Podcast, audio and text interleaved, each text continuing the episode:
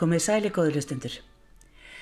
Anna Guðni Guðmundsdóttir, pjánuleikari, hefur verið einn eftir sótasti meðleikari landsins um ára tíi og hefur á ferli sínum leikið með fremstu listamennum þjóðarinnar og þóttu víðar væri leitað. Þessað auki er hún fastraðum pjánuleikari við Sinfoni Ljómsveit Íslands.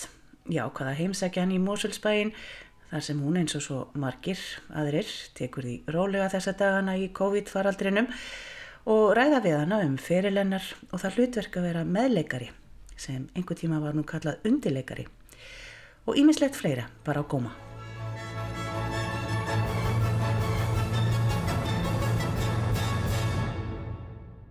Anna, við sittum hérna í kyrðinni í Mósfellsbænum. Hér er afskaplega, já, kyrlátt getur við sagt. Er þetta svona jafnvel þó að það sé ekki COVID-faraldur í gangi? Já, það er mjög friðsalt hér og gott að vera, gott að vera heim og vinna. En nú ertu búin að vera, já, hvað áfullu í, í mm, píjánuleik, meðleik, eh, ert fastraðun við Sinfoníuljómsveit Íslands. Er þetta ekki komið hátt í 30, 30 ár, 35 ár? Jú, allavega það er sko. En þú fóst í um, sagt, Guildhall School of Music and Drama í London og þar var sérstök meðleikara deilt. Þú hérna ákvæmst að, að fara í hana? Já, ég ákvæm það. Ég hef búin að vera eitt ár í London bara svona í þessum tímum og kammusík og í vikil tólsko að það ákvæm ég að taka eintökuprófin í þessa deild accompaniment kurs og það voru bara Já, það voru bara held í íslenski vinni mín sem segja, Anna, okkur fer þú ekki þess að til, þú ert alltaf að spila með fólki.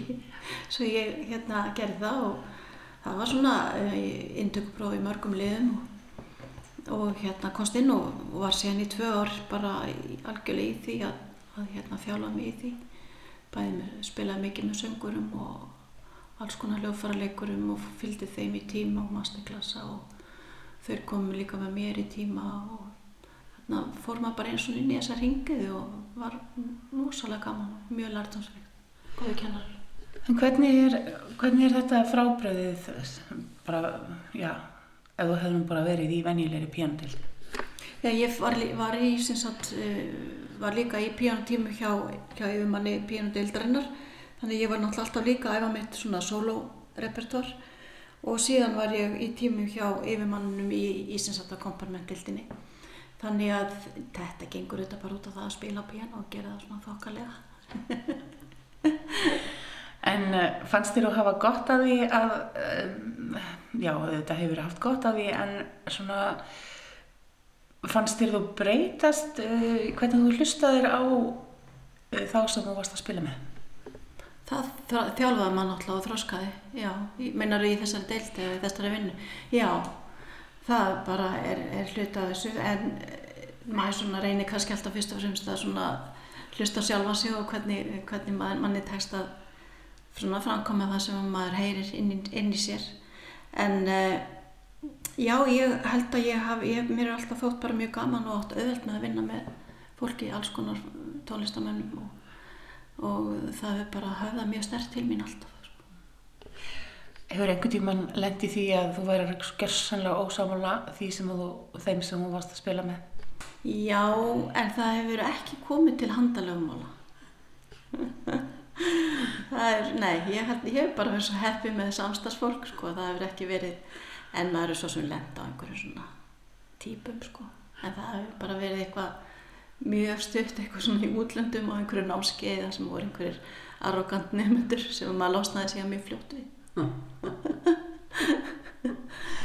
Nú man ég til dæmis eftir um, þegar ég var viðlöðandi Sinfónljóðs æskunar á sín tíma að uh, þá var Pól Sukovski með hana og ég man að, að þú varst eini pianistinn sem að hann var nú ekki allra sko en þú varst eini pianistin sem hann vildi gútera Já, einhvern veginn gerist það Veistu af hverju? Það var bara hann, það, það gekk einhvern veginn upp hjá okkur sko, hann var náttúrulega erfiður og, og já, gerði mikla kröfur og svo bara einhvern veginn við unnum hann saman með kammisveitinni, það var svona lítið grúpar, vorum að flytja útsetningu Sjönnbergs á Malir ljóðaflokki. Ég held að það hefði verið það fyrsta sko og þá var þetta bara eitthvað, já, ok, she can do it. og þá, svo kom bara fullt af verkefnum eftir það. En var það þá að því að þú varst góð í því að fylgjast með stjórn, hans, hann held í fram að píjánuleikarar gæti ekki fylgt stjórnendum? Um, já, hann var nú búinn að vera volið vondi við marga, skilst mér og sagði einhverjum að hann ætti bara að skella píjónulókin og hann á butuna á sér. Eitthvað svona ræðilegt um, ég held að það með að fylgja það, ég var nú ekki komið mikla þjálfin í því þá sko það er svona gerist bara hægt. Já, þannig að það hefur kannski bara verið auðvelt fyrir því að vinna með Pólsukarski Það var allavega, það var ekki kannski auðvilt en það var mjög svona skemmtileg áskorun og það var gaman að fá þessi krefjandi verkefni sem maður hefði aldrei fengið annars. Og mjög lært um svík. En svo ertu ekki bara búin að vera að vinna sem meðleikari með, já þú er nú eiginlega einn eftir sótasti meðleikari hér á landi, búin að vinna með öllum helstu listamönnum landsins og hvað er svona það sem að hefur verið gefið þér mest? Í þessu samstaröllu? Já. Já sko, mér, ég náttúrulega er í symfóni hljónstunni og búin að spila þar í rauninni alla tíðanlega frá því ég kom heim og það hérna hefur verið óbúslega lærdomsrikt því að fyrir píanista einhvern veginn að lúta þeim lögmálum sem að ljónsveit stendur fyrir. Það er mjög sérstatt og mér tótti það alltaf opúslega gaman. Um, af því að þó að þú sér kannski bara með einhverja litla rullu í, í stóri symfóníu, kannski svolítið selistu í stóri mali symfóníu eða sjöstakóðið eða eitthvað, þá er það bara að sitja og bara vera hluti að þessu og hvernig þú kynnist verkinu í gegnum æfingarnar við gegnum þá vinnu, það er einhvern veginn, það er aldrei, þú farð aldrei þessa upplifun með því að bara hlusta. Mm. Þannig að, að því það hefur nú bara svona fyllt mér alveg bara alla, alla tíð og að því það er nú mitt starf í dag, að þá e, myndi ég nú bara nefna það. En síðan náttúrulega endalust af sko dúo saminu Eh, þar sem að ég hef spilað alltaf mikið með söngurum sem ég bara elska þeirra repertoár og hef mjög gaman af ljóðum og tungumálum. Þannig það er alveg svona á stóran hérna, stað í hjarta mínu og ég bara, ég get auðvitað þetta allt saman. Mm -hmm. veist, að spila hérna með Sigurgeri alla piano, cello, Beethoven, sóndurnar og tilbreyðin og Beethoven, fylgu, piano, sóndurnar. Þetta er bara bara endalust og bara gaman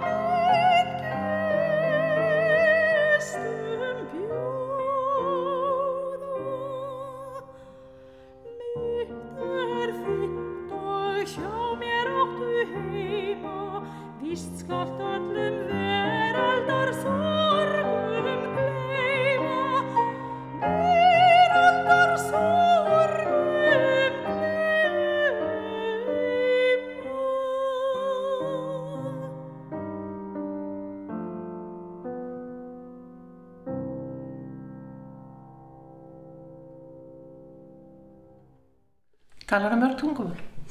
Ég tala svona nokkur, ég, ég tala þísku og náttúrulega svona skandinavisku eins og mín kynsla gerir. Man, man har ju lært dansk i skolen og svona og svolítið sænsku. Uh, og ég lærði líka fransku þannig að ég get alveg bjarga mér í henni og svolítið ítalsku. Þannig að mér, ég tala nógu mikið til þess að hjálpa og hef gett að hjálpa mínum söngnumundum í náttúrulega algjörlega í þískunni. Þú verður auðvitað að hafa þísku allar að vinna um söngurum. En síðan hef ég líka hérna náttúrulega að hjálpa með, með fransku og, og ítalsku frambröð. Mm. Syngur með uh, þegar þú ert sjálfa að spila með söngurum? Syngur inn í þér? Ertu að fara með Er þetta að fara með textan? Já, já, ég er náttúrulega, ég er kannski ekki að syngja, sko. Er svona inn í því? Já, já, já, já, algjörlega, já. maður er bara, við erum eitt, sko. Þessi tveir eru eitt og ljóðið. Já. já ljóðið leiðir. Ég var að horfa nú búið að vera endurflytja ímislegt í sjónvarpinu. Eitt af því er tónstofan. Um, ég ræk á augun í það. Elisabeth Eiríksdóttir var að syngja uh, eitthvað íslenskt sönglag. Og við pianoðið satt uh, Laura Rapsdóttir uh, ég sem betur fyrir þekkti Láru því annars hefði ég ekkert vita hver þetta var því það stóð bara Elisabeth Eiríksdóttir syngur. Mm -hmm. Um, ég var að leitað einhverju um daginn það stóð bara Sigur Hjalmtísdóttir syngur og þessi fíni pianoleikari með uh, hans ekki getið um, þetta er svolítið oft svona Já. og kannski var meira og svo var þetta kallað náttúrulega undirleikur já, já. Og aðstóðar eins og nefndir um daginn Átni Kristjánsson aðstóðar Bjarni Fríman uh, saði nú líka aðstóðar hún finnst gaman að aðstóða en er þetta svona er þið nú í sæti nr. 2? Já, já, eru það náttúrulega sko. það er bara þannig En er það ekki svolítið svona bara er það ekki bara svolítið svindl? Jú, þetta er það svindl og ég minna, maður hugsaður um alla þessa indislegu íslensku svona fyrstu tenna kynslaðan af söngurum sem að hefði að geta sko miklan svona náttúrulega talent og voru búin að læra einhvern söng hérna heima. Svo komu sprenglæriðir hérna tónlistamenni eins og til þess frá milli strísárunum frá frá Ísturíki og víðar bara doktora sko og þeir spiluði með þeim á tónleikum í Östubíu og svona, svona trítlið inn á eftir þeim og, og hérna ég sé þetta alveg fyrir mér svo, svo tekur hérna söngar við klappinu og svona og svo þegar hann er búin að þína og lengi þá svona bendir hann auðmjúglegast og doktorinn við pianoið svo hann getur líka neitt sig Já, mér finnst þetta, hérna, já, þetta er svolítið fyndið. En þetta er nú svona kannski eins og þetta var. Hérna, kannski er ég bara í minni kaltæðinni. það var gaman að þessu. Þeir hljóta hafa verið ótrúlega. Ég veit bara að segja það eins og hérna, Viktor Urbansits. Mm. Hann kendi mömmu mín á piano og hann góð lappandi heim til hennar í hvaða veðri sem var. Já, Hún fór ekki til hans, hann Nei. kom til hennar. Já og ég held að mamma sé enda með samanskupið yfir að hafa ekki eftir sig meira mm. fyrir hann því hún áttaði sig eftir á hún var náttúrulega bara barn. Ja. en hún áttaði sig eftir á að þarna var þessi doktor próf, mm. professor doktor að koma að, að, að kenna henni sem að kannski hafði ekki þess svona rosalega náhuga á þessu. Nei, nei, mitt, nei, þetta gerir nú Mozart. Hann fór nú bara, þetta var nú gert hér áður fyrr. Þeir fóru nú bara í fínu húsin að kendu, ekki síst dætrunum, hvernig þetta setja og haga sér við hljómborðsleik.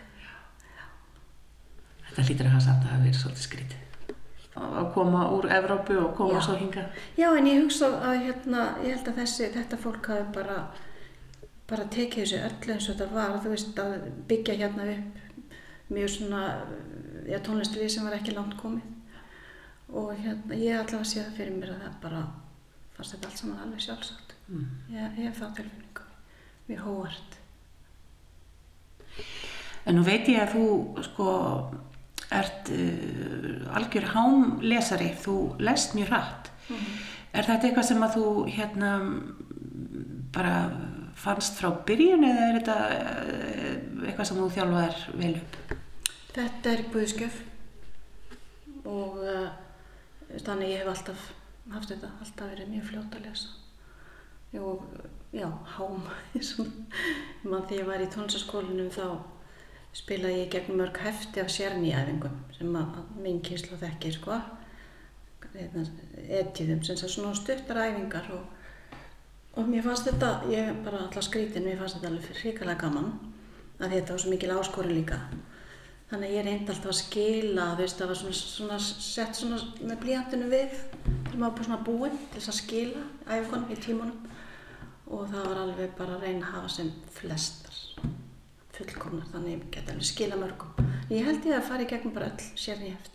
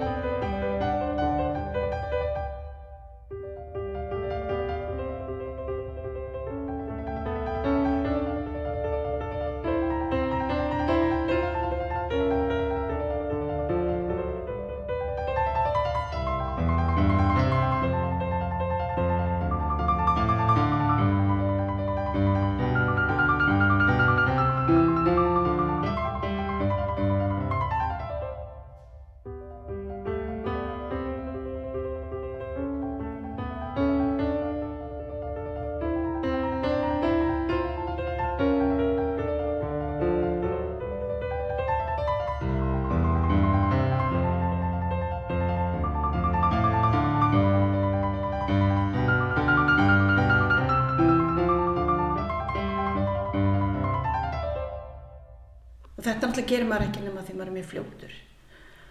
Og uh, Og hvað hefur verið gömul þá, cirka? ég kem sko í tónskólinni Reykjavík, kem ég 11 ára, en ég byrja 6 ára að læra sko í barnamúsískólinum hjá Stefán Edelstein. Og hann var nú líka, held ég, bara strax gerði sér grein fyrir þessu og, og bara mataði mig nógu hratt á efni, þannig að það líka auðvitað þjálfast. Mm. Gerir það, en það hafi nú sagt mér píanokennara mínir sumir að hann er grunn að ég hef ekkert eftir mér þetta rosalega mikið en ég var bara svo fljót að lesa ég gæti svona svindla. En hvert fórstu svo, hver tók við þér í tónliskólu? Þá byrjaði ég hjá henni indislega herminu S. Kristjánsson sem var nú bara svona hálfur, réði nú bara hálfur, hálfum skólanum og stjórnaði pianokennaradeildinni og pianodeildinni. Uh, ég var hjá henni uh, fimm ár held ég, eða eitthvað slags. Síðan var ég eitt ár hjá Jóni Nordal og síðan útskrifaðist ég frá Margrethe Eiríksdóttur sem var hérna, kom, var búin að vera lengi fyrir norðan, hún lærði í sjálf í London á, á hérna stríðsárunum var síðan búin að vera fyrir norðan og um, já, þannig að ég held hún að kannski ekki verið búin að vera svo lengi við tónliskólan þegar ég kem til hennar og ég útskrifaði sem sagt frá henni Mm. Man hefur heyrt að Hermína hafi greitt nefndum sínum fyrir tónleika, greitt hún þér? Um, mennar hún að við setjum í fléttur? Já. Nei, það hef ég aldrei heyrt. Mamma sá um það og ég er svo hársar, ég hef ekki leift neinum öðrum að gera það.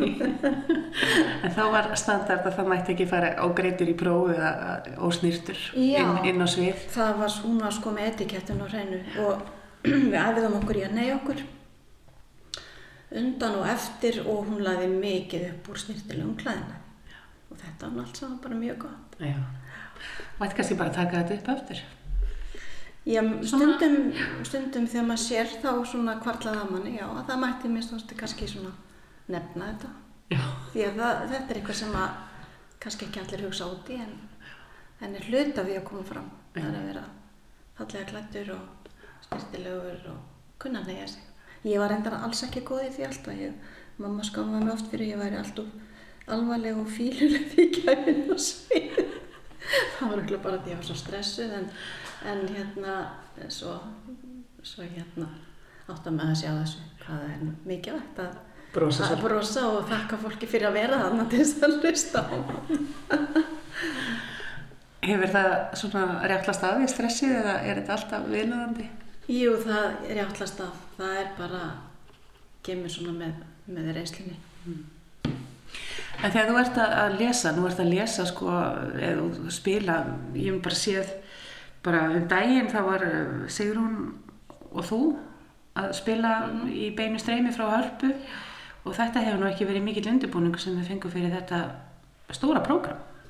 Nei, þetta var nú ábyggilega við höfum nú spilað þetta áður sko, einhver tíman þannig að þá svona dusta maður það bara upp úr möppunni Og er það ekkert mál? Nei, það er yfirleitt ekkert mál sko. Maður er bara fljótur. Þannig að þú ert með þetta einhvers staðar í sarpunum þannig að bara uppi í einhverju hólfi. Já, í rauninni sko. Já, en það er þetta ekki við um allt. Það er alltaf, það er náttúrulega músík sem maður hristir ekki, ég ætla ekki að segja það maður hristir þetta allt fram úr erminni, alls ekki. Sem er náttúrulega ekkert um að streða því vikur og mánuði. Eins, og, eins og hvað þá? Er eitthvað sem stendur upp úr? Já, það er náttúrulega vinnu minn Oliver Messian það er svona, og bara kannski tónlist af þeim toga sem er svona flókinn og, og bara það les maður nú ekki að blæðinu sko. Því þar eru bara alltaf allir fingur áfullu í endalausum hljómum. Segðu mér aðeins frá því verkefni, það er komin hvað, 14 ár, ekki satt, 12, eða 12 ár. Já. Síðan við heldum upp á ammali Oliviers Messiaen, 100 ára ammali Já. og þá tókst þú að þér það þess verkefni að hljóðreita allt um, uh, verkið 20 tillit til Jésúbarsis. Já. Segðu mér aðeins frá, frá því verkefni og hvernig bara dagtir í hug að segja já, Anna. Er bara þú hringir, var það ekki? Ég segi nú mjög oft já, sko. og þetta var alltaf bara galið, en það var ekki hægt annað en að einhvern veginn stíga á þennan, þennan vagn, úr því hann kom. Þá ég hafði náttúrulega ekki gert mig grein fyrir hvað þetta var brjálæðislega mikið, mikið verk. En þú varst náttúrulega búin að spila tölvert af svona verkum fyrir piano og, og hljómsveit uh, eftir hann. Já, já. Það var náttúrulega algjörlega líkilatriði, þá það var náttúrulega, því vorum að tala um Pól, þá Sukovski, það var það náttúrulega fyrsta verki sem ég spilaði, uh, þetta stóra eftir með síðan, það var hérna Rá glugrónum til stjarnana, árið 1990 og það var, það var risa sko, það var kammisveit og solopiano, líka mjög stór hortpartur. Já, þannig að þá, þá svona komst ég svona inn í þetta tungumál og svo fylgdi fleira Túranga Lilla og, svo gerðum við þrjár líturgífur og já, svo kom, komið þið með þetta. Og útkom diskur já, já, og tónleikar. Um, hvernig fannst þér svona stíga út úr því að vera með öðrum og að vera sóló? já þetta er náttúrulega bara sóluverkefni og maður bara tók því fagnandi, það var mjög gaman. Já. ég lærði þetta nú ekki utan að nú bara fyrstu held ég þrjá kaplana Kann þetta einhver utan að? já, það? ég get svo svarað það. þeir, ég held að Stephen Osborne spilaði þetta utan að og, og einhverja frökkunum ég, ég næði ekki sko, mér finnst það ómannlegt sko að hugsa um þetta en það er bara, sömur eru bara séni í því bara læra einhvern lím heila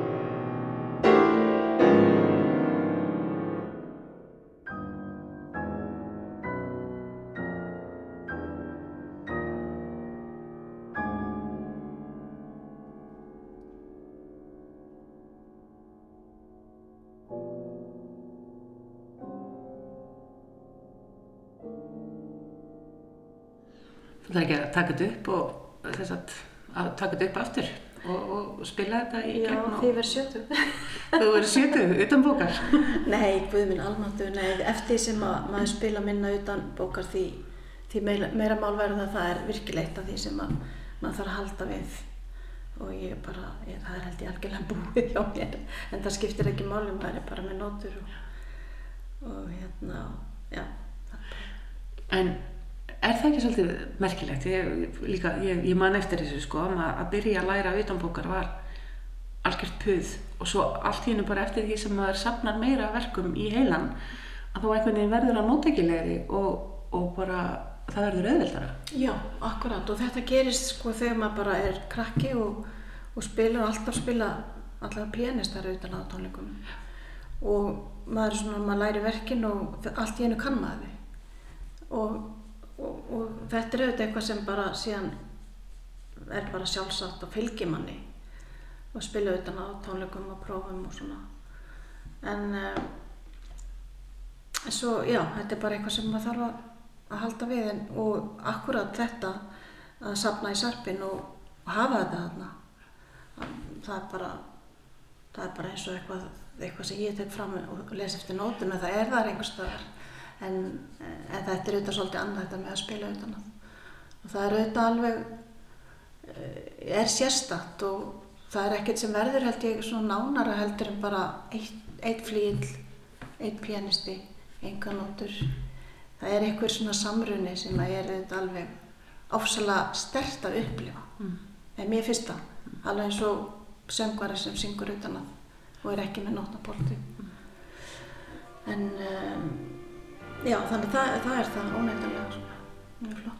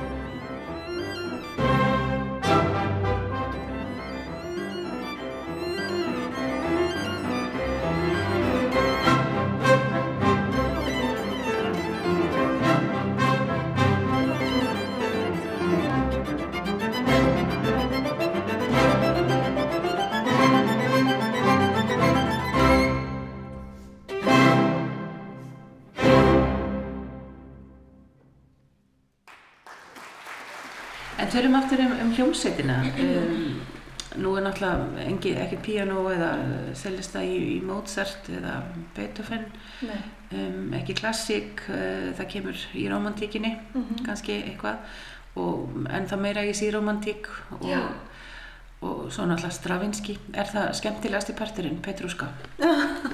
Hann er nú ábyggilega með því svona stremnari sem er fyrir gegnum í þessu starfi. Já ofsalega gaman. Það er náttúrulega bara svolítið svona eins og sóló sko. Já, það er það. Já. Já, það er alveg svona leiðandi hljófari í því, því verki.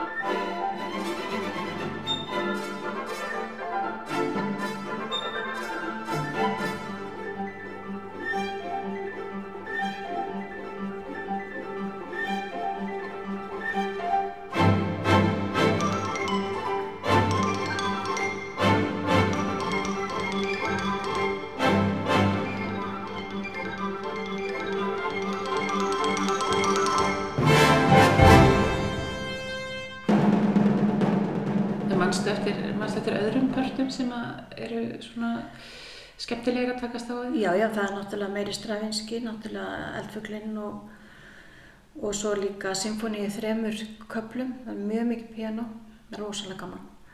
Mikið af Sjóstakovits symfóníunum, bara fyrsta, svo fyrsta sem við spilum með honum Rastjastvenski, það er ótrúlega gaman, mikið partu þar og ímsum, svo náttúrulega bara alls konar, við spilum náttúrulega kveikmyndatónlist og mikið að nútíma tónlist eða samtíma og þar er fólk að leika sem er piano og seljustu og gera alls konar tilröndis mm.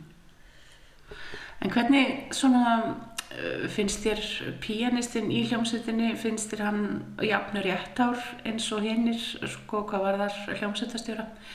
Nú, nú er ég bara að hugsa um Pól Sukovski eftir sem að leit niður á pianistana.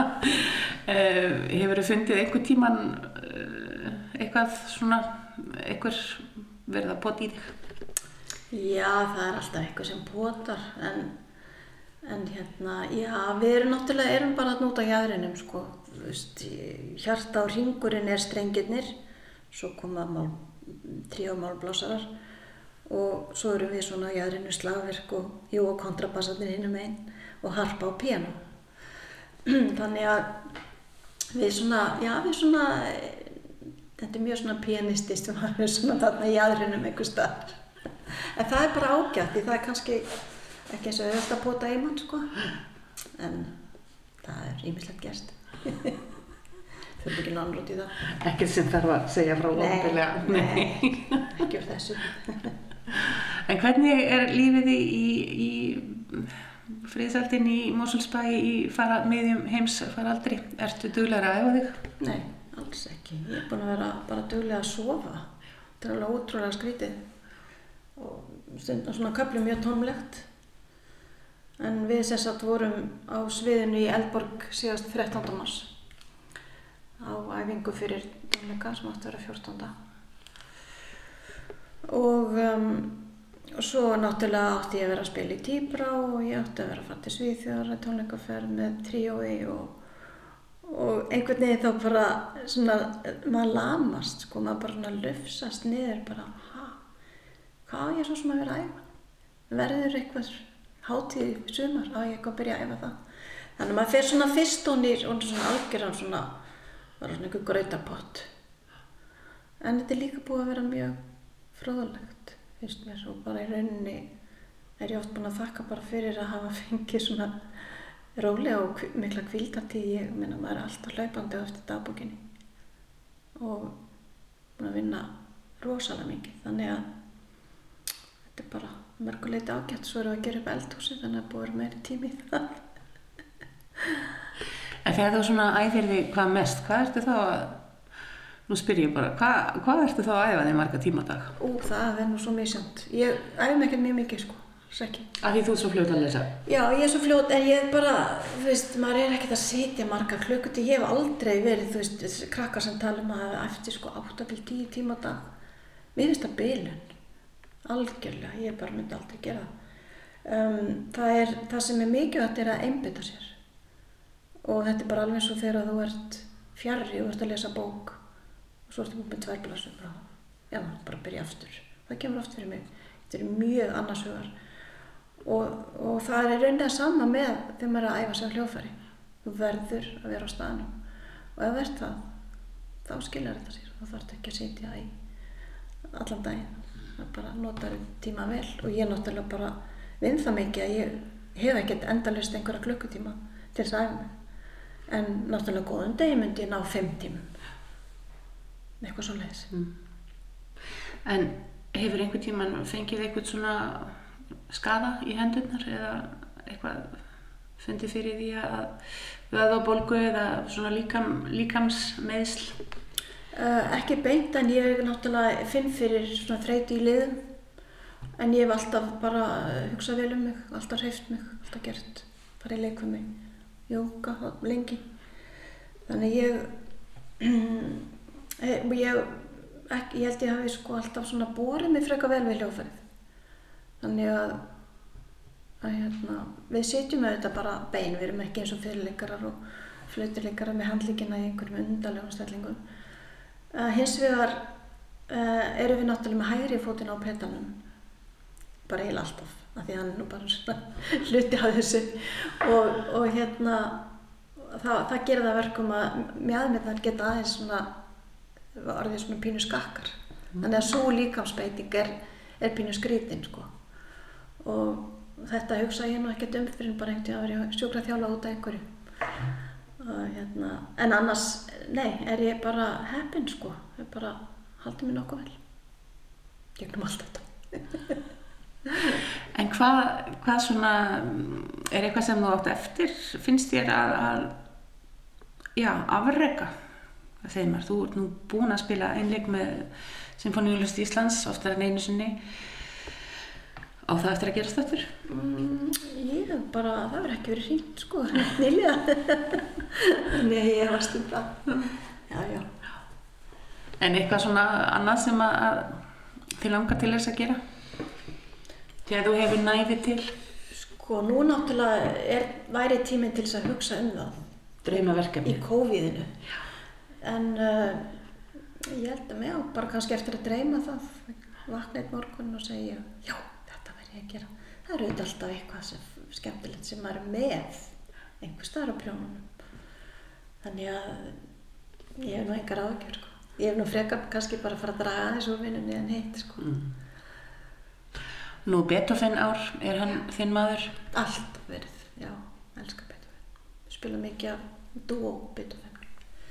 Og ég spilaði líka uh, einn af koncertunum hans með symfóníunni og svo spilaði ég trippelkonsertin fyrir nokkrum árum og núna á að spila allar píjónsóndunar þannig að ég ætla að taka eina fimm Hvaða? opust 2 með 3 sétur einn Er það eitthvað sem þú hefur spilað aður? Nei. En uh, við erum alltaf fundist hún svo falleg. Alltaf að spila út um bókar? Öruglega ekki. Viltu fletta fyrir mig? Tölum við um það. Já. Hvernig er það svo að hafa all, alltaf, eða oft, ekki alltaf, en að hafa oft einhvern sem þú þarf að reyða þig á til þess að fletta? Það getur verið hryllingur. Alveg. Hefur þið lendið í slæmi? Já. Ég lendi flettara sem að í staðan fyrir að fletta þannig að hann tók uppi á blaðsjöfni þá fór hann niður fyrir akkurat á taktan sem ég var að lesa og hérna ég held að ég myndi að hvæsa eitthvað á hann síðan og hann bara, ég sá um þetta sjálf. Þetta er alveg, þetta er skelvilegt jobb sko. En það eru, ég á náttúrulega maðurinn minn hefur mikið flett fyrir mig og allar ekkert að losna úr því sko. Og svo eru bara, sumir eru með þetta og maður finnur það strax. Og ég á mjög góða sko kollega sem að hafa flett fyrir mig kannski hefur verið einhverju hátíð að spila og, og hérna og þessi viðkomandi hefur ekki verið að spila í þessu verki og það þá ég greip hann og sagt já, ertu ekki til ég að fletta í þessu? Og, og þá veit maður að maður bara alveg örugur En þetta er náttúrulega ábyrðar hlutverk, þetta flettarastarf. rosalega, vann metið Já. Og ég hef nú oft lendið í þessu og, og svona, ég man svona til að byrja með, ég var svo stressuð, ég var auðvitað stressaður en björnuleikarni sjálfur. Já, ég hef líka flett og ég bara fengi hvernig ég byrja að svika og maður er algjörlega bara hérna, starri. En, en hérna, en þetta er í rauninni sko, ef þú lest nótur þá áta náttúrulega ekki að vera flókin Nei, því svo bara hnikkjum við til svona og, og hérna, svo getum við nú svo kannski hnikkt höfðun á einhverjum öðrum stað, einhverjum öðrum ástæðum og þá hefur við segjað, ups, nú bóndi fyrir ekki að fletta núna. Þannig að maður þarf að líka passa það. En, en hérna, svo er þetta bara ákveðin tækni, þú þarf bara að standa upp þegar síðasta líðanar byrjar taka í blaðsíðuna. Beigja henni eins langt þú getur. Og svo um leið og í nikka þá gerir við svona. Þannig að finnst þetta nokkuð hljóma flóki hljómar ekki flókið. ég get sagt frá því að ég, hérna, einhvern tíma var ég að fletta í, í pianokvintiti Schumanns og daginn eftir það vaknaði ég með þessar rosarar hasperir í annari raskinni. Og ég þá hugsaði mér, nú þarf ég að fara að koma mér í form því það þurfti ég að standa svo oft upp, sko. Og, og ég var svo stíf. og þetta var, gekk, gekk allt svo hratt fyrir sig. Þú veist náttúrulega, þetta, þetta er langt verk Jú, jú. og mikið að gerast Já. en flettarinn var þarna alveg á fullu í sko nýbegjum Nákvæmlega. og vaknaði með haspyrið Þetta er góð að sagja. Af því maður sestu þetta ekkert sko, af því ég er líka flett sko, þá sest maður ekkert svona bara slakar á Nei. stólnum og alls ekki í piano quintet. Því að pianistin er náttúrulega með rættir allra í sínum nótum. Þannig að hann er með sínar tvær og síðan fjórar þar fyrir ofan. Og þannig að það kemst ekki droslega mikið á blaðsina. Þú ert bara svona svolítið eins og jójó í hröðuköflunum. en Anna, ég ætla að segja takk fyrir spjallið og, og var gaman að koma til þín og gangi ykkur vel með að koma nýja eldhúsinu fyrir þetta verður fallegt hjá okkur og, og ég vona þú svona komir, komir þér úr kófinu og, og finnir eitthvað fallegt draumaverkefni Takk, ég reyni það. Takk fyrir komuna. Já, góðu hlustundur, ég þekka Önni Guðnýju fyrir spjallið. Í þættinum hljómaði lag Jóns Áskilssonar við texta Lagsnes hjá Ligri Móðu í flutningi Dittuar og Önnu.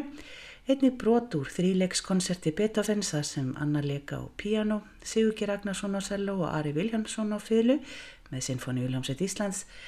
Tillit stjörnunar úr 20 tillitum til Jesúbarsins eftir Oliver Messiaen í flutningi önnu og rúsneskur dansúr Petrusku Stravinskis í flutningi skosku kammersveitarinnar.